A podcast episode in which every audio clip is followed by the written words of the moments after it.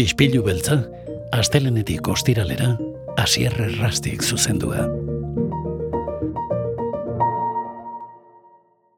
Hogeita amasei urte daramatza paiazoren egiten. Paiazoren egiten zentzu honean, oso honean. Euskal Herrian belaunaldiz belaunaldi aurren erreferente izaten jarraitzen du gaur egun ere. Umezirenak guraso bilakatu eta orain euren semealabekin gozatzen dute pirritx, porrotx eta marimototxen ikuskizun liburu eta kantu ez. Ni oraindik ez naiz guraso, eta ez dakite noiz baita izango naizen ere baina zortzi urteko hasierari kontatuko banio bere garaian, hogei urte beranduago, porrotx, hemen, nire parean izan, eta hau elkarrizketatzeko aukera izango nuela, badakit urtxo horrek gau asko pasako zituela lorik egin gabe, eguna noiz iritsi zain. Batira, egun hori, iritsi da. Jose Maria Girretxe, ongi etorri gure izpilora. Eskerrik asko hasier ni gaur lo lasai indet, baina esnatutakoan gogoratu naiz zurekin neukala itzordua eta irribarre bat piztu zait aurpegian. ba, eskerrik asko, Jose Mari. Aizu, hogeita masai urte. Mila bederatziron eta laurogeita zazpi garen urtean hasi zinen, e, elkarrezketa prestatzen datu hau irakorri dudanean, e, geratu naiz, ba, txundituta, takolo pirrutx, eta porrotx, e, irukoten hasi zinen, e, bueno, bantzarki egintzan, eta iaia bizitza oso bat igaro duzu porrotxekin elkar bizitzan, ez da? Bai, erregintzatik abiatu ginen, erregintzan jarraitzen dugu, lasare, lasarte hori hartan aurren euneko laro gehiak aereduan ikasi eta gaztelera zitze egiten zuen, pentsatzen zuen eta sentitzen zuen, eta haiei begira sortu genuen pailazo taldea. E, Euskaraz, e, gune alai bat izan zezaten, e, gozatzeko. Eta hasieran bizuta behoiek izan baziran gure lanaren e, oinarri, alaitasuna eta euskara, ba, bere ala konturatu ginean eredu ere baginala hientzat eta balioak lantzen hasi ginen. Eta gaur arte, pozpozik. Gainera bitxia da, e, gehienek jakingo dute, baina zu izatez, bueno, ez dakit noiz uzten den Euskaldun berri izateari, baina e, euskera ikasi egintzen nuen e, marimototxek mertxek bezala, ezta? Bai, garai hartan, zuka ipatu bezala, takolo, pirrutx, Euskaldun berriak, eta porrotz ni neu e, euskaldun zaharra baina alfabetatu gabea eta nire ikasketak eskola nazionaletan burutu nituen nire bizitza kalean lasarte hori hartan gaztelera zen eta gazten erabe nintzenean e, aekan izena eman e, alfabetatu eta magisteritza euskera egin nuen.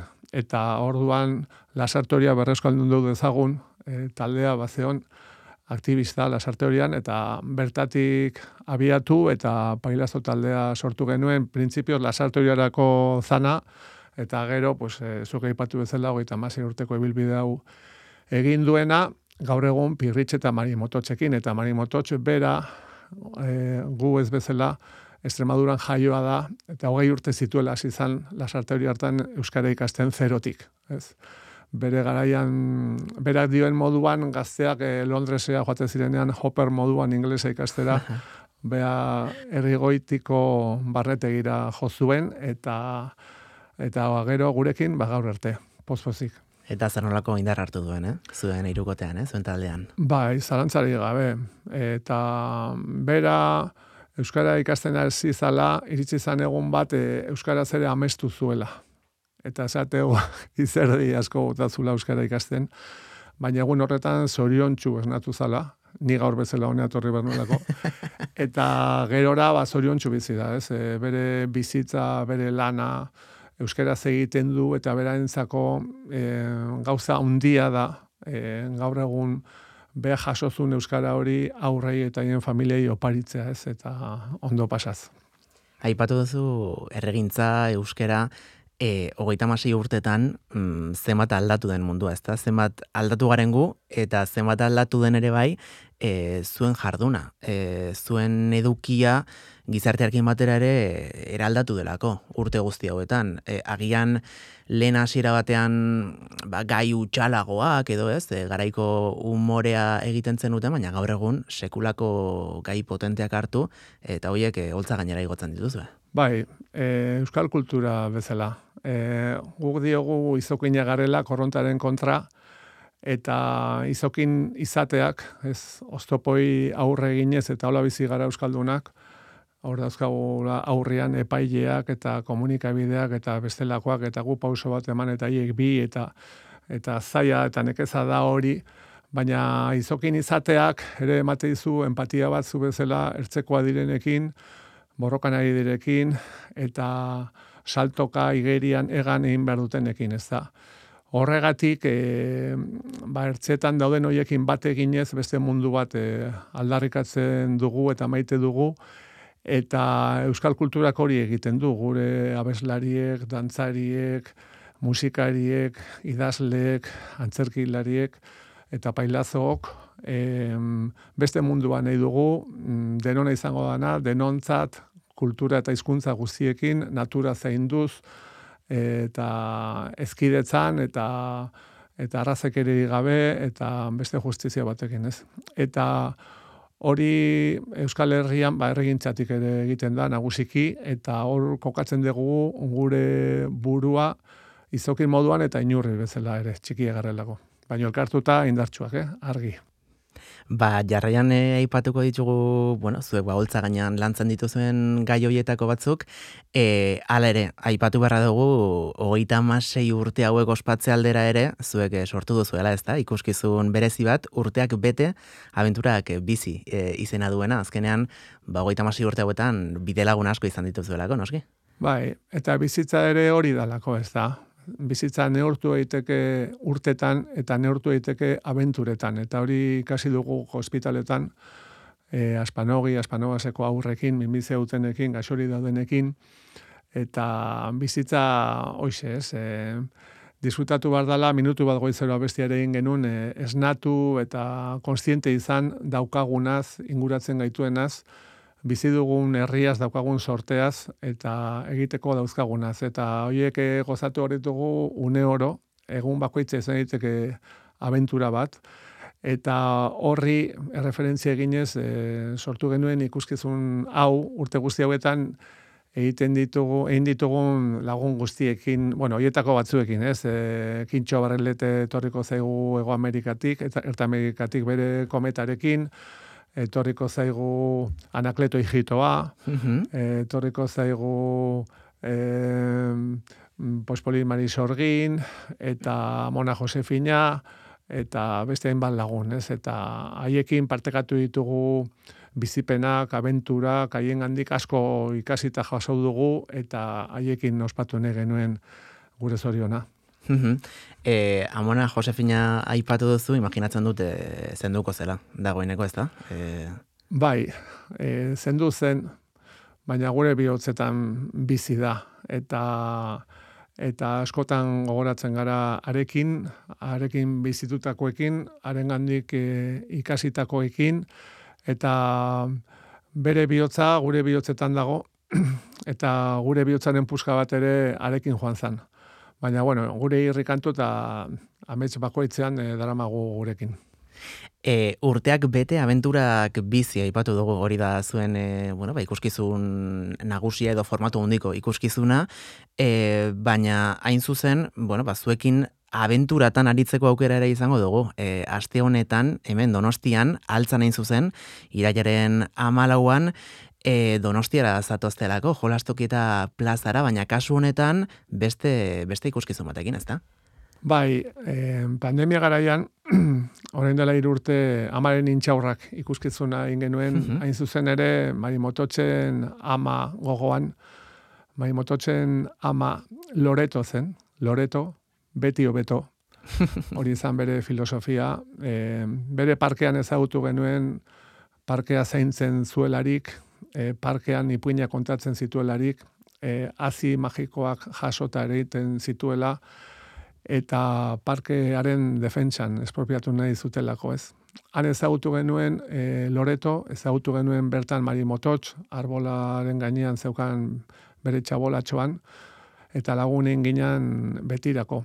Eta urrungo urtean Mari Mototxi mototxak erori zitzaizkion, minbizi hartu zuelako, gura ere bizipen gogorra bezain ederra izan zen, guretzat asko ikasi genuen hartatik. Gerora ere, pues, amatxo itxutu zan, e, nagusia zala eta bihotzarekin ikusten ere erakutsi zigun, eta azkenik e, hil egin zitzaigun, eta orduan e, doluaz e, nahi genuen hitz egin, doluan nahi genuen bizitu, eta amaren intxaurrak e, jaio zan, ama hiltzean e, intxaur ondo bat landatu genuelako, eta gerora behin azita, intxaur bat jaten dugun aldiro, amarekin gogoratzen garelako, haren bizipenekin, haren handik ikasitakoekin, eta hori burutu genuen, ikuskizun ederra, herri zerri, arbola koparituz, ere induz, eta aitzakiak emanez, eriotza den inguruan solasteko, partekatzeko, denok daukagulako guri inguruan norbait, e, hil zaiguna, joan zaiguna, eta, bueno, da gai bat, e, nahi nahi ez, e, landu beharrekoa ez. Eta gu, e, aurrekin eta familiakin gaude barre egiteko, ongi pasatzeko, baino laguna ditugunez, baita ere tristura partekatzeko, beti direlako goxoagoak horrela, eta eriotza tartean dagoenean ere gertu egoten saiatzen gara, eta eta ondoan egonda pues, e, laguntzen gure presentziarekin eta gure sudur gorriekin. E, nien aiz kultur kritikaria, Jose Mari, baina zuen ikuskizuna ikusteko aukera izan dut, eta borobil eta oso potente moduan e, definituko nuke, e, hain zuzen aipatu dituzuen, ez? Azken urteetan jorratu dituzuen gaindartxu guzti horiek e, antzerki bakar batean bildu dituzuelako, eta egiasan niri behintzat, e, oioi jarri zaidalako zuen e, ikuskizuna ikusten, mm, eta galatu nahi nizun, nola den e, prozesua horri txuri bat e, parean hartu, eta heldu hoi ere, ulertzea, onartzea, barneratzea, kostatzen zaizkigun gai kontzeptu eta eta bizitzako, ez? E, ba, ba pasadizo guzti hoiek umei transmititzea edo umei transmititzeko moduko hizkuntzan, ez? E, idaztea, nola, nola izaten da prozesu hori? Bai, gure bilbidean e, lehen aipatu bezala gaixotu diren aurrekin izan dugu harreman handia eta gaur egun ere hala izaten dugu. E, gertu egoten saiatzen gara, hainbat elkartekin harremana dugu, gure mezuak bidaltzi ditugu, e, aukere egonezkeo bisita ere egin, eta oparitxoak e, partekatu eta bestelakoak. Eta, bueno, bide honetan ere, pues, e, lagunak ere hil zaizkigu, ez? E, bueno, gogoan izango dut, ane, ane pirata elgoi bartarra, e, justo ari omen eginez egin genuen eskerrik asko ikuskizuna, beha min bizi ziltzan eta emeretzi urte zituela, eta haren asko, asko ikasi genuen, ez? Lehen aipatu dute tristurak eta poza goxeago diala partekatzen direnean, urteak betetzea bezen garrantzitsua da abentura bizitzea, eta bueno, bizitzari begiratzeko modu bat, ez modu baikor bat etxetik atera eta eta errespetuz eraikitzeko gogoz e, egunerokotasunean jarduteko hori ez. Eta orduan e, nerearekin bezala ba, piratatxo asko ezagutu dugu eta eta tarteka eriotzak ere bizi izan ditugu ez. Eta esan bezala badagai bat presente duguna denok, eta nahi genuen gure ekarpena ere egin ikasitako gauzekin eta pentsatu ze denok e, gatozela lurretik, naturatik eta denok e, goazela lurrera eta naturara, ba hoize pentsatu genuen e, gai honi heltzea.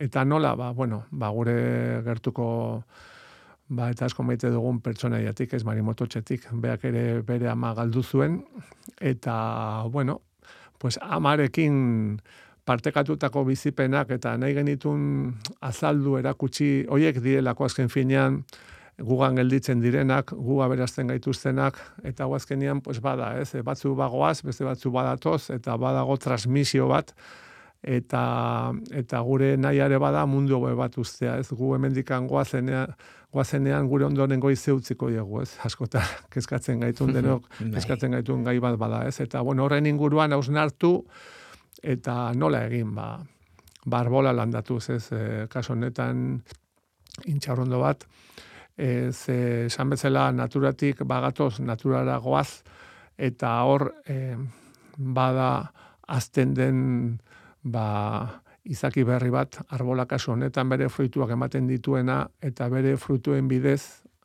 ba, bueno, pues, e, aita janez, e, amarekin gogoratzen gea, Eta, bueno, eh, amaren txaurrak taloratu genuenean, e, arbolako paritzu genituen saio guztietan, landatu dira, eta nik uste dut, e, aitzaki bat ere utzi dugu, ba, norbait inguruan hiltzen zaigunean, eskoletan, bestelakoetan, arbolara gerturatzeko, eta hitz egiteko, ez hitz egiteko utzi gaituen horri buruz.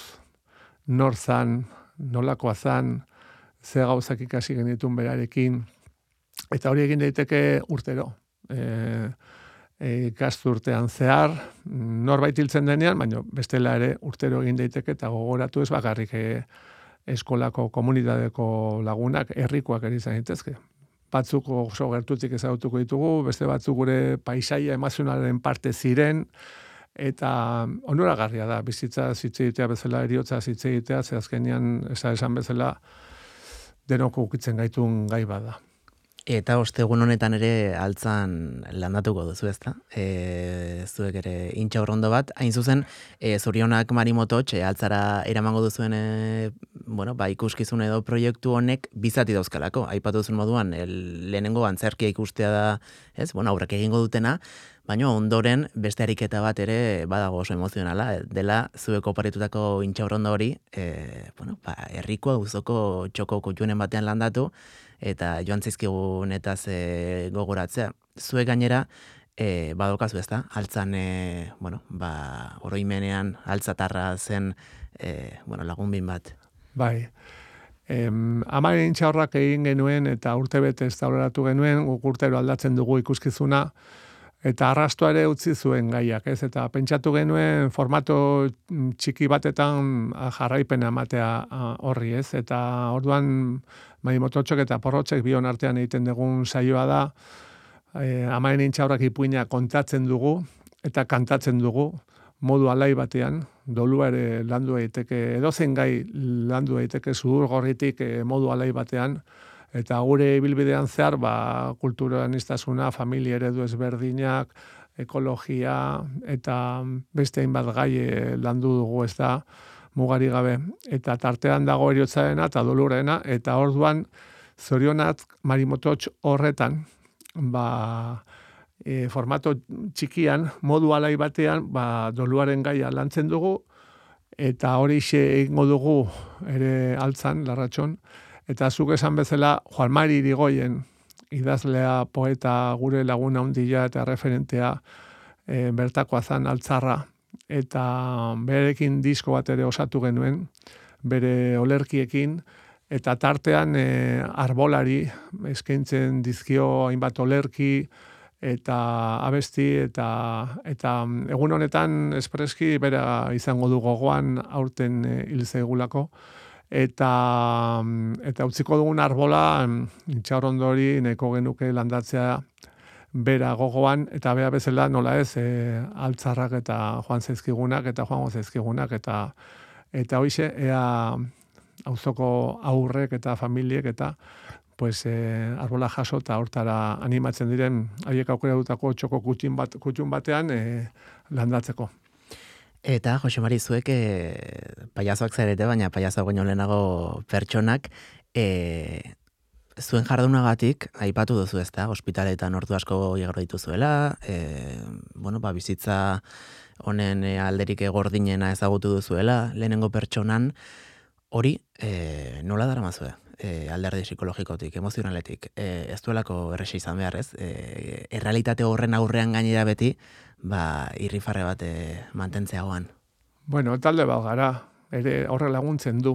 Azkenian, e, hemen pailazoa gaude, teknikariak, aktoreak, dantzariak, bestelakoak eta elkarrekin egite ditugu lanak, prestatze ditugu, taularatzen ditugu, eta gure inguruan ere beti, pues bueno, elkarlana bultzatu dugu, ez, e, musikariak, kantariak, idazleak, margolariak, ez, bestelako artistak e, kontutan hartu dugu, oso pozia gaude Euskal Herrian horretarako pues, aukera ederra egoten dalako beti, Eta gero lauzka, laguna dauzkagu, guretzat e, saiotara etortzen direnak ez dira ikusle hutsak, e, behar izan ezkeo lagunak ere mm, gaituzte, mm, gertu, behar dutenerako, Eta ni uste dut azkenian komunitatea osatzen degula, ez? E, hemen gaude aurrak, familiak, ikastetxeak, herrikintza, administrazioare behar denean, eta denon artean herri txiki bat gara eta komunidadea osatu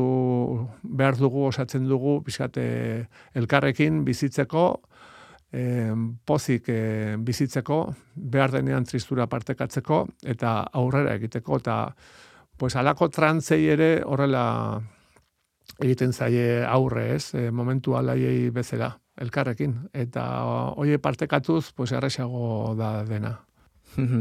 E, elkarrizketa prestatzeko atzo bertan e, ikusi nuen 2008 bat garren urtean e, andoaingo bastero kulturgunean eskaini zenuten ikuskizuna, e, amaren intxaurrak ikuskizuna zuzen, eta aipatu ditugun gai indartxu guzti hori ezaratago ere bai, e, bertan ikusi aldiren irudiek ere, ba, bihotza uzkurtu zidaten ez, e, aretoa erdi utxik ikustea, e, aurrak e, beste aurren gandik isolatuak, euren gurasoekin, musukoak hauan, e, zuek nola bizizan duzu pandemia, gizarteko kolektibo zaurgarrienetako batekin lan egin da urtsuekin?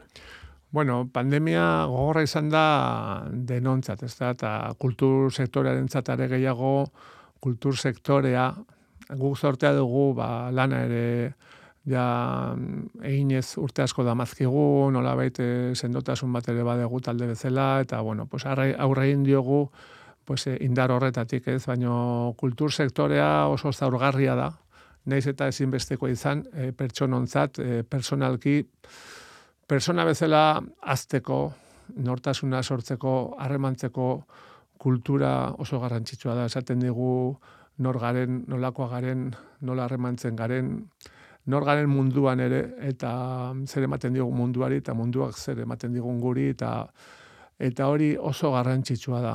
Eta orduan e, kulturak zoritxarrez ez dauka, daukan eukibarko lukeen garrantzia, ez, e, erregintzatik dauka asko, ez, eta norberen ekimenetik, eta nik uste dut e, instituzio aldetikan e, hor lehen planoan jarri barko litzakela kultura, ez? E, herri zerri egingo bagenu errepaso bat kontuatuko guinateke, pues e, ekimen asko eta asko eta hezkuntza ez formala sari naiz ere bai eta aisialdiaz, ez? E, em, bueno, pues ez daukate beharko luketen bultzada, ez? Eta justo udara honetan ere izan naiz e, Euskal Aventurako gaztei bisita egiten, baionako gaztetxera joan nintzen sorpresaz, porroz bezala, ez?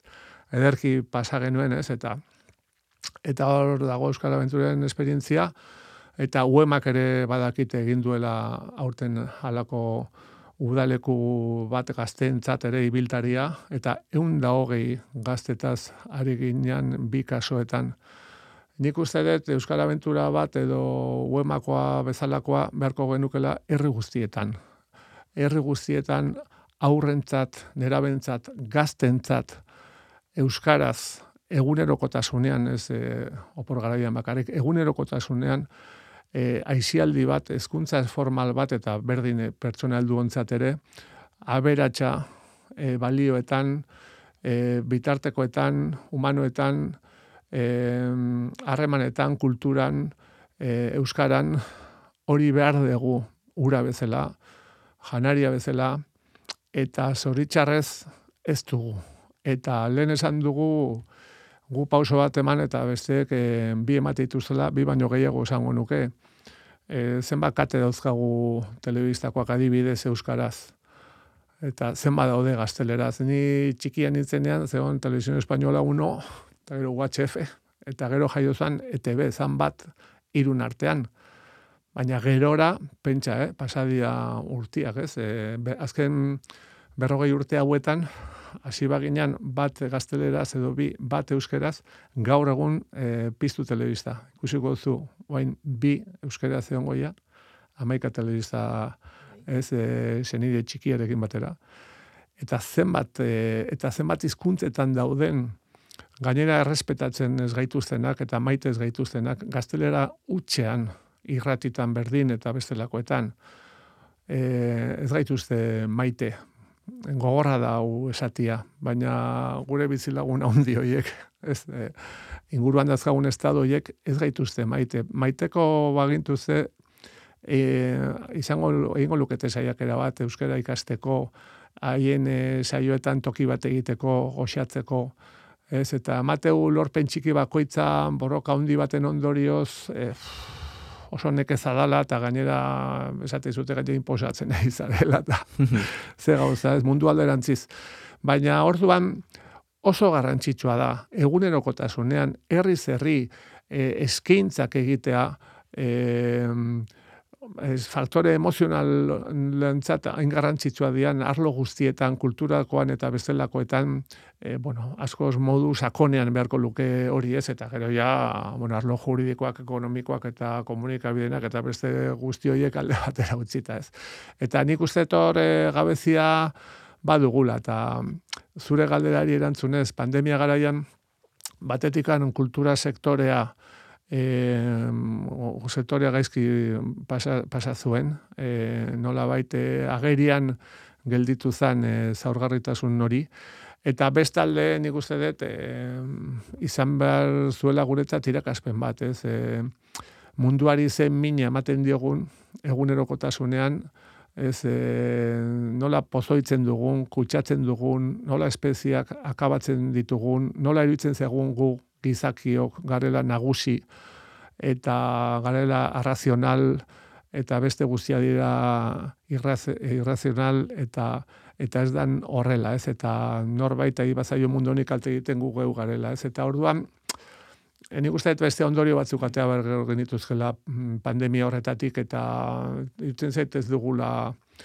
e, askorik ikasi eta bueno, askotan pertsonengan jartzen da fokua, ez? Baina ni gustat e, hor agintzen dutenak eta boterea daukatena batez ere diala arduradun nagusiak eta inbarko nuke alegina gure txiketasunetik geure herriaren e, hoize ez e, rienda hartu eta eta bueno, beste bide bat egiteko. Ni uste dut merezi dugula guk eta munduak.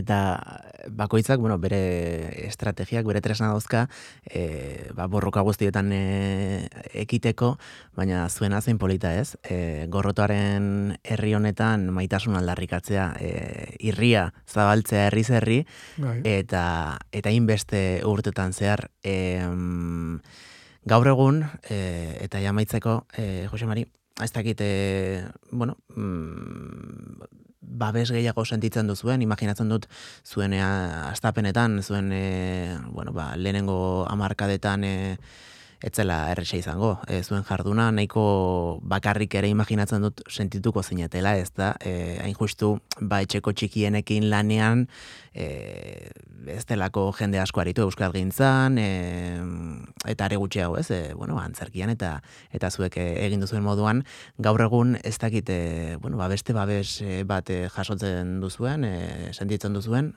Bueno, donostian ari gara, Donostiaz, ez? Altzan bai, izango gara, eta bai. Donostiara ziren txirrimirri eta txiribiton. Bai. Gure aurretik eh, sortu zirenak eta lan handia egin zutenak, ez? Eta intzinderi ere izan zirenak. Eta gerora, pues, e, kikoko eta moko, e, familia ere hasi zan, pailazo gintzan, gugeu, Mokolo eta poskolo ere, bai. Mokolo eta poskolo, bera, joan da niganden izan ginean gure zirkuan, ah, bai. e, Iker Galartzarekin, eta, eta, bueno, asko partekatzen dugu haiekin, mokolo hiltzenean ere, bai. egitaldi bat e, leidorren, e, pailazo familiak elkartu ginean, oso unki garri izan zana. Eta gaur egun, ni baikoran naz. Baikoran naiz, ikuste ditu gazteak, e, sorkuntza munduan, kulturan, Euskal Antzerkiaren abanguardiak, bueno, Antzerkien abanguardiak Euskal Herrian euskeraz egiten du, bai paraldean fuxanaiak, bestelako taldeak, egoaldean, e, Lipus eta konpainia, eta beste inbat konpainia, bai. nola dagoen euskaraz aritzen dana, jende gazteare, paiaso gintzen ere badator, eta alde horretatik, mm, nahi ditzen zait, e, Euskal Herrian ez aurra bakarrik gazte jatorraskoa dauzkagula, baikorrak eta eraikitzaileak eta konfiantza handia daukat.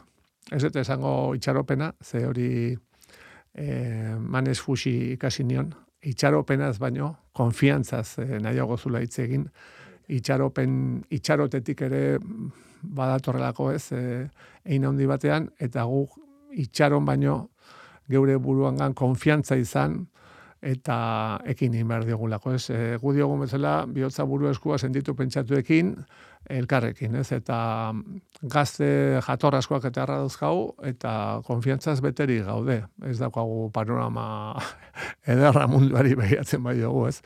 Baina bai, e, konfiantzaz e, behiratu behar diogu, eta eraikitzaileak izan, zuk esan dezun bezala, zudur gorritik, maitasunetik, eta alaitasunetik e, ez dakite hau buruan izango duzuen, e, denongoa zadinan aurrera, eta zuek ere bain oski, erretiro hartu edo ez, hori, bueno, e, zuek ikusiko duzu, e, imaginatzen dut, e, hau lan bat izatetik aratago ere badi joala, e, zuen e, jarduna ikusita, zuen bokazio ikusita, baina, bueno, egunen batean e, honi agur esatea erabakiz gero, lasai geratzen zara, e, testigua pasata, ba, ba egungo, bueno, ba, generazio berriai.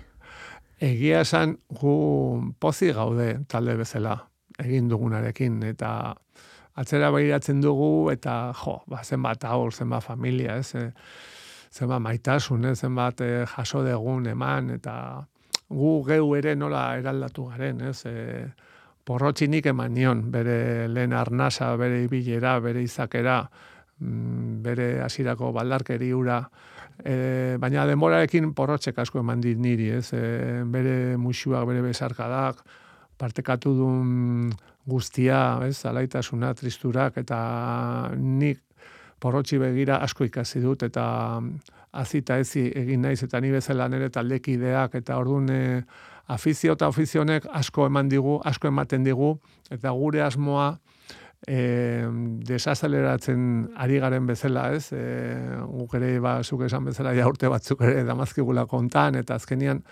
gozatzen duzu lanarekin, baina gozatzen duzu lanetik aparte ere, bai, ez? Eta, bai, desazeleratu egingo dugu, ari gara, dagoeneko, hori ne dugu modu goxo batean egin, elkarrekin, elkar zainduz, eta mm, bai, mm, gutxinaka gutxinaka, pues jo, gea, ez, e, lurrarekin bat egiten esaten genuen bezala.